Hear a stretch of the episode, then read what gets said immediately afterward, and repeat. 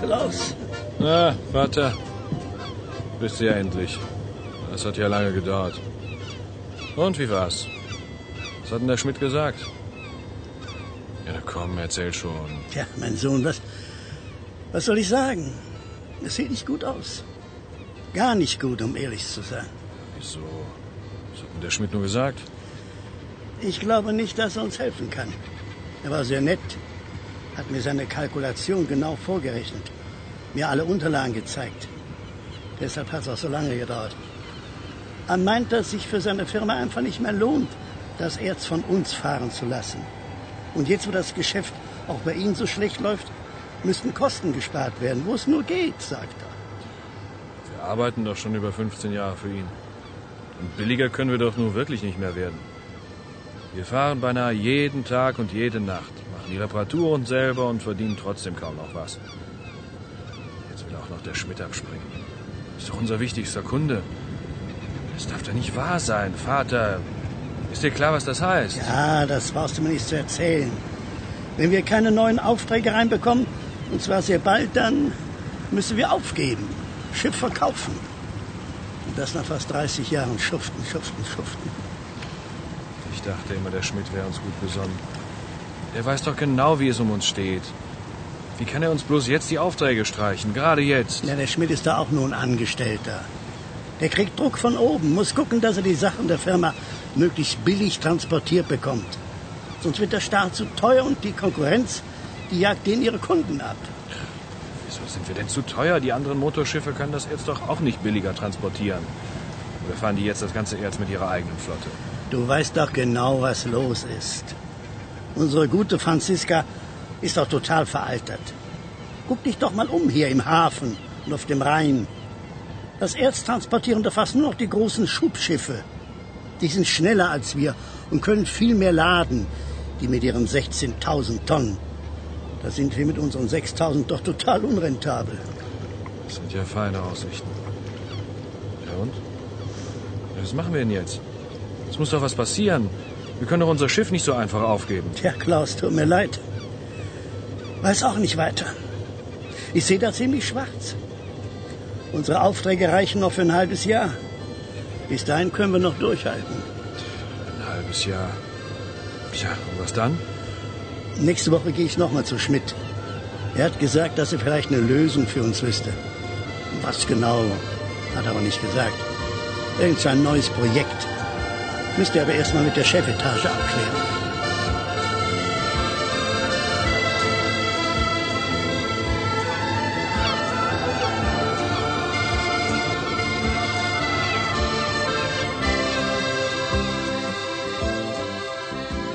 Nicht nur Hans Hartmann plagen Existenzsorgen. Viele Binnenschiffer stehen kurz vor dem Aus, wissen nicht mehr, wie lange sie noch fahren können. Es gibt zu wenig Fracht für zu viele Schiffe. Die Branche ist in einer schweren Krise. Die Konkurrenz macht den Schiffern schwer zu schaffen. Eisenbahnen und LKWs sind die schnelleren Verkehrsträger. Und das Wichtigste, sie sind nicht auf die Flüsse angewiesen, sondern können sich auf Schiene und Straße, also viel dichteren Verkehrsnetzen bewegen. Doch die Schiffe haben auch Vorteile gegenüber ihren Konkurrenten.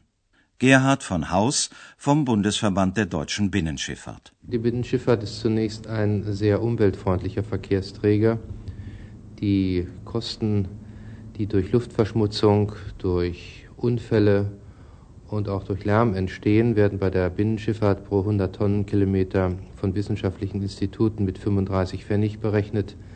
Bei der Bahn sind es bereits 1 Mark 15 und beim LKW 5 Mark und 1. Unbestreitbar ist die Binnenschifffahrt auch das sicherste Verkehrsmittel. Zur Häufigkeit von Unfällen wurden nämlich ebenfalls Untersuchungen gemacht. Ihr Ergebnis? Bei Transporten mit der Bahn gibt es zwölfmal mehr Unfälle als bei Transporten mit dem Schiff. Und beim Lkw sind es sogar 178 mal so viele Unfälle. Und die Binnenschifffahrt ist natürlich auch ein sehr kostengünstiger Verkehrsträger, wenn Sie bedenken, dass große Schubeinheiten, die von Rotterdam nach Duisburg fahren, die rund um die Uhr auf dem Rhein sind, etwa 16.000 Tonnen befördern. Das sind 440 Güterwaggons oder 650 LKWs. Große Mengen möglichst billig transportieren. Das wollen vor allem die Betriebe der Montanindustrie also Unternehmen, die im Bergbau oder der Stahlverarbeitung tätig sind. Sie sind natürlich nicht die einzigen Kunden der Binnenschifffahrt, aber die Hauptauftraggeber. Es sind die typischen Massengüter wie Kohle oder Eisenerz, Düngemittel, Baustoffe, Mineralölprodukte. Das sind so die Hauptgruppen, die transportiert werden. Insgesamt etwa 240 Millionen Tonnen in Deutschland mit deutschen, aber auch mit ausländischen Schiffen. Die typischen Massengüter kann die Binnenschifffahrt günstig transportieren. Hier liegt ganz eindeutig ihre Stärke. Doch die Stahl- und Kohleindustrie in Deutschland und in Europa steckt schon seit einiger Zeit in einer tiefen Krise. In der Zukunft werden wohl immer weniger solcher Massengüter befördert werden. Das würde die Situation der Binnenschifffahrt weiter verschlechtern. Noch mehr Schiffseigner müssten ihr Geschäft aufgeben. Damit die Abhängigkeit von der schwachen Montanindustrie nicht so groß bleibt, versucht man neue Kunden zu gewinnen, andere Güter auf den Schiffen zu transportieren. Zum Beispiel umstellen auf Containerschifffahrt. Container wurden bisher fast ausschließlich von Bahn und LKWs transportiert. Seit kurzem ist auch die Beförderung per Binnenschiff möglich. An vielen Häfen wurden spezielle Containerterminals zum Be- und Entladen gebaut. Die Transportunternehmen bieten zusätzliche Leistungen wie Wartung, Reinigung und Reparatur der Container an. Gerhard von Haus vom Bundesverband der deutschen Binnenschifffahrt. Ja, es gibt eine Entwicklung zu der Containerschifffahrt. Wir haben in den letzten Jahren erhebliche Steigungsraten auf den Rhein gehabt, was die Containerschifffahrt anging. Die Zuwachsraten sind exorbitant hoch.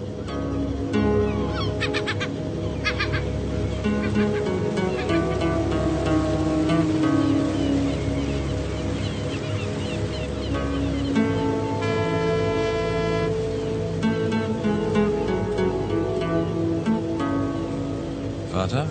Ja? Ich habe noch mal nachgedacht. Ja. Wenn das mit dem Erz nichts mehr ist, müssen wir eben umstellen. Ja, auch andere Sachen fahren. Da muss doch irgendwas zu machen sein. Ja, glaubst du, das ist mir nicht auch schon eingefallen? Wenn das so einfach wäre. Du kennst doch unser Schiff und den Laderaum. Wir können doch jetzt nicht einfach Autos oder Öl transportieren oder Maschinen. Das geht doch nicht. Das weißt du doch selber. Na, wie wär's zum Beispiel mit äh, Container? Ja. Warum machen wir es nicht so wie der Horst? Der holt die Dinger am Seehafen in Rotterdam ab und bringt sie dann überall an die Häfen hier am Rhein. Ist doch viel zu teuer. Der Umbau für unser Schiff. Die Verladeanlagen. Wir müssen neue Leute anstellen. Die Container müssen sauber gemacht werden, repariert, gelagert. Das können wir doch gar nicht anbieten. Das machen doch die großen Speditionen. Da sind wir viel zu klein für. Außerdem, wenn du mich fragst, wird sich das mit den Containern auf dem Schiff sowieso nie durchsetzen. Die Bahnen und die LKWs sind doch viel schneller als wir. Und auch nicht teurer. Ja, ist auch wieder wahr. Die holen uns immer mehr Kunden weg. Das kann doch eigentlich gar nicht sein. Ich möchte mal wissen, wie die kalkulieren. Ich kann mir gar nicht vorstellen, wie die so billig anbieten können. Bei denen ist der Druck eben auch riesig. Die haben kaum noch Gewinne. Versuchen nur die Konkurrenz aus dem Geschäft zu drängen. Wir, die Schiffer, ziehen dabei fast immer den kürzeren. Alle reden sie immer von Umweltfreundlichkeit und ach, wie sicher wir sind. Ja, wenn es um die Aufträge geht, da redet plötzlich keiner mehr davon. Die Firmen müssen eben auch sehen, wie sie ihr Zeug am billigsten transportiert kriegen. Die haben ja alle auch ihre Konkurrenz. Und die Kunden wollen die Waren schnell und direkt vor die Haustür haben. Da ist klar, dass wir da nicht mitkommen mit unseren langsamen Kähnen. Wer zu langsam liefert, ist den Kunden los und die Konkurrenten freuen sich. Logisch, dass da keiner seine Sachen mit dem Schiff fahren lässt.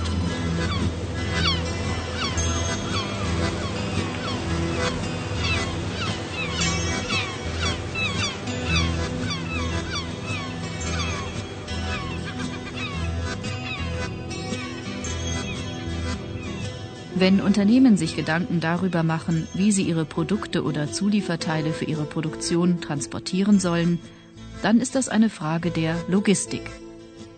Bei der Logistik geht es darum, dass Güter zur richtigen Zeit in der richtigen Menge am richtigen Ort sind, so dass die Produktion und der Vertrieb so reibungslos wie möglich ablaufen können. Die Logistik gehört zu den größten Kostenfaktoren eines Unternehmens. Deshalb besteht die Kunst darin, Nutzen und Kosten von Transport und Lagerhaltung ständig abzuwägen.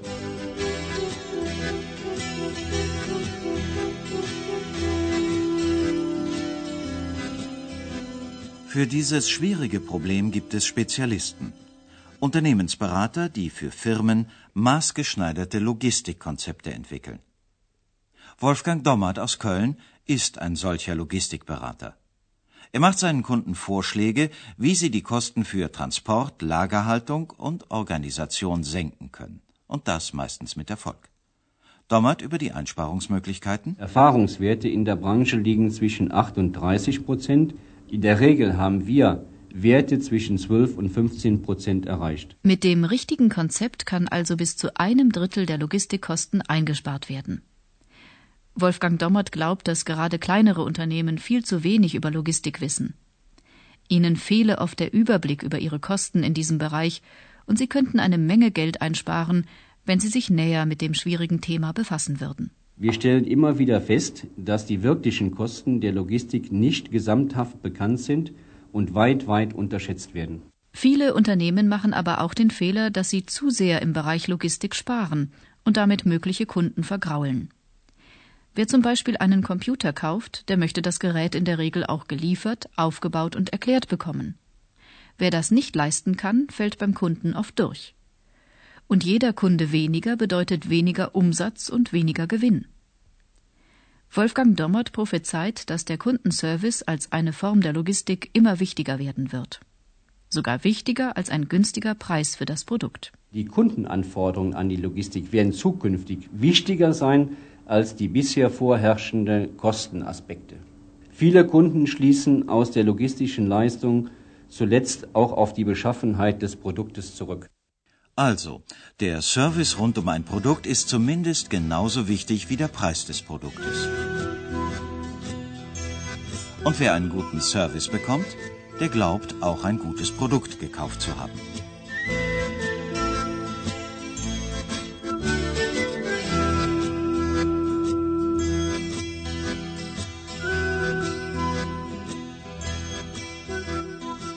Das Hauptproblem der Logistik ist der Transport von Gütern. Es gibt eine Menge Möglichkeiten, Waren von einem Ort zum anderen zu bringen. Und jedes Verkehrsmittel hat seine Vor- und Nachteile. Wer etwas möglichst schnell bewegen will, der wird eher den Lastwagen als das Binnenschiff beauftragen. Bei sehr großen und schweren Gütern bietet sich das Schiff dagegen an. Die zwei wichtigsten Aspekte beim Transport von Gütern sind die Transportgeschwindigkeit und die Transportkosten.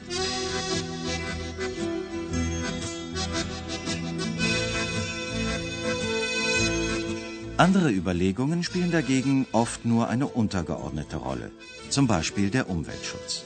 Die ständige Umweltschutzdiskussion in der Öffentlichkeit müsste der Binnenschiffer doch eigentlich viele Aufträge bringen. Logistikberater Wolfgang Dommert. Ich bin sicher, die Bereitschaft zu einer ökologisch machbaren und ökonomisch sinnvollen Transportabwicklung ist bei den Verladern sehr gewachsen. Zu berücksichtigen ist aber hierbei die Zeit für den Transportweg. Bei nicht zeitkritischen Anlieferungen oder bei genügend Vorlauf ist die Transportzeit nicht entscheidend. Bei zeitkritischen Transporten, zum Beispiel Anlieferung in Mailand morgen bis Annahmeschluss, geht es nur mit dem Lkw von Punkt zu Punkt.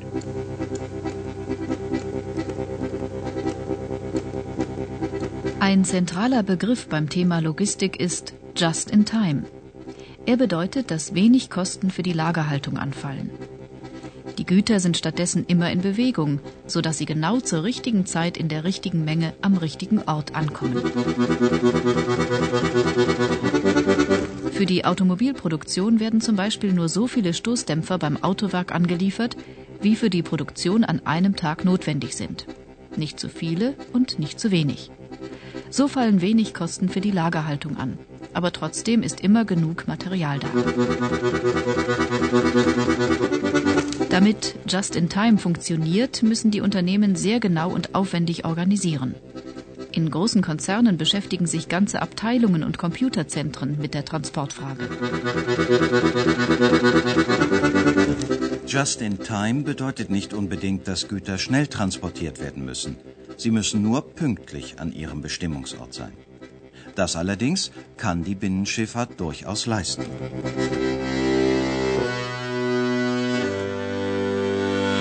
Doch es gibt natürlich auch Umstände, die die Binnenschifffahrt aus dem Zeitplan bringen.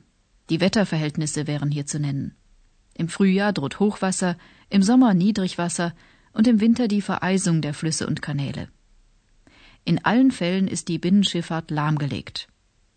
Kommen solche unplanbaren Natureinflüsse in einem Jahr oft vor, kann das die Existenz mancher Schiffer bedrohen.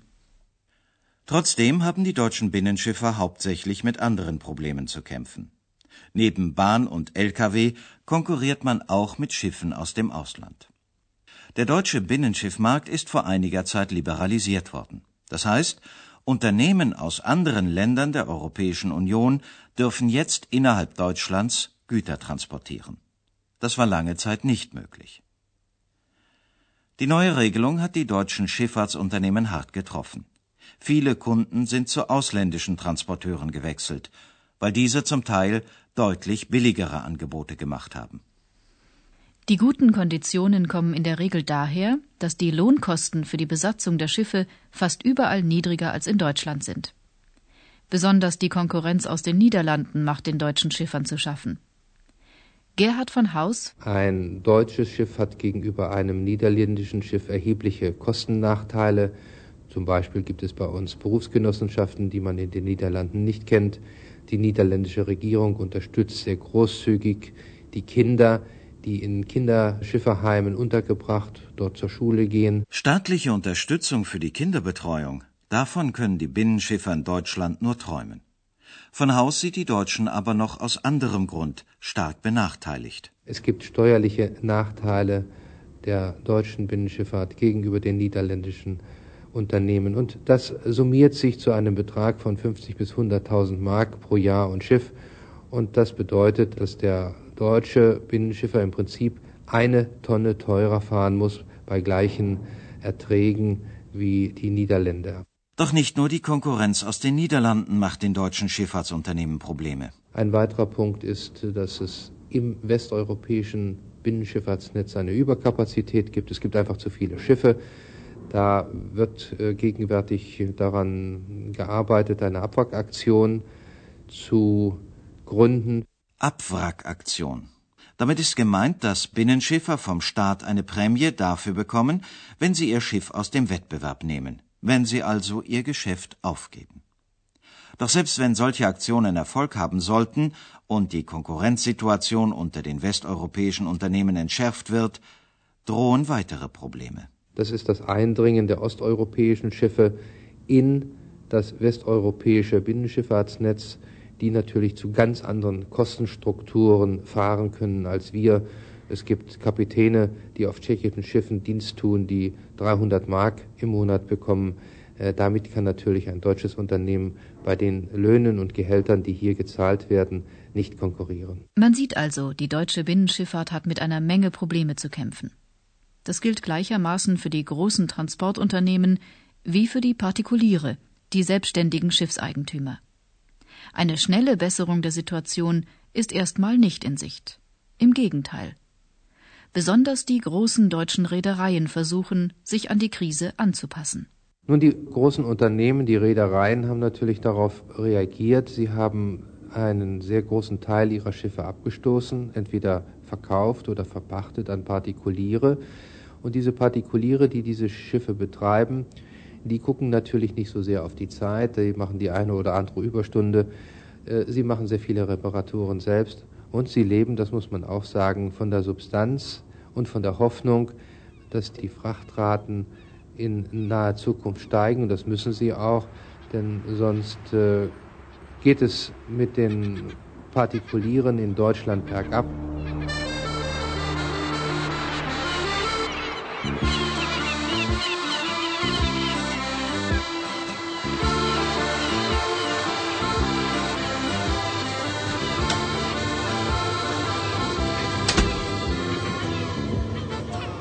Vater, Ja, äh, wo bleibst du denn so lange? Guck doch mal auf die Uhr. Ist doch schon fast Mittag. Seit heute früh versuche ich hier den blöden Papierkram zu erledigen. Ja, wo warst du denn bloß? aber Schmidt, Ja? habe ich dir doch letzte Woche gesagt, als ich noch mal zu dem hin wollte. Ach ja, stimmt ja. Ich erinnere mich. Hat mal wieder länger gedauert. Aber dafür habe ich gute Nachrichten. Ja, siehst doch richtig zufrieden aus. Ne? Hat er uns etwa doch wieder Aufträge gegeben? Nee, das nicht gerade. Aber er hat uns einen Vorschlag gemacht. Ziemlich interessante Sache, finde ich. Na, dann schieß mal los. Ja, setz dich erst mal, komm. Okay. Der hat sich das so vorgestellt. Mit unserem Schiff, das gibt nichts mehr. Das rentiert sich nicht. Das legen wir still oder verkaufen es zum Verschrotten. Das gibt bei der Riesenmenge Eisen eine ganze Stange Geld. Hätte ich gar nicht gedacht. Und dann pachten wir ein modernes Schubschiff von Schmidts Firma. Die lösen ihre Flotte nämlich auf. Das wird für die zu teuer. Aber was nützt uns das neue Schiff, wenn wir keine Aufträge haben? Ich meine, das ist doch schließlich unser Problem, oder? Das ist ja gerade das Gute. Wir pachten das Schiff und kriegen gleichzeitig Aufträge garantiert. Die brauchen ja weiter Erz. Mit dem großen neuen Schiff können wir auch viel billiger anbieten. Warum machen die das? Ja, warum fahren die nicht weiter das Erz mit der eigenen Flotte? Das ist doch klar. Das ist für die doch viel billiger so. Wir sind selbstständig, machen viele Überstunden, reparieren selbst. Die Kapitän und Besatzung, die die bisher hatten, waren angestellt und haben natürlich nur so viel gearbeitet, wie unbedingt nötig. Na, also bleiben wir im Geschäft. Das sind ja gute Nachrichten. Vater, du hast also recht gehabt. Irgendwie geht schon weiter. Ja, ist eine spannende Sache. Trotzdem tut's mir verdammt leid um unsere Franziska. Es war nur ein Schiff, war aber eine schöne Zeit mit ihr. Also das Steuerruder hier und noch ein paar andere Sachen, die werde ich mir abmontieren, bevor die hier mit den Schneidbrennern rangehen. Ja, und hier das alte Barometer zum Beispiel, das nehme ich auch mit. Ach, das Stundenglas und die Glocke. Aber das nehmen wir alles mit auf den neuen Kahn, ne? Ah, doch. Hauptsache ist doch, dass wir auf dem Wasser bleiben können. Ich könnte mir mein Leben gar nicht vorstellen, ohne diesen Blick, ohne die Luft.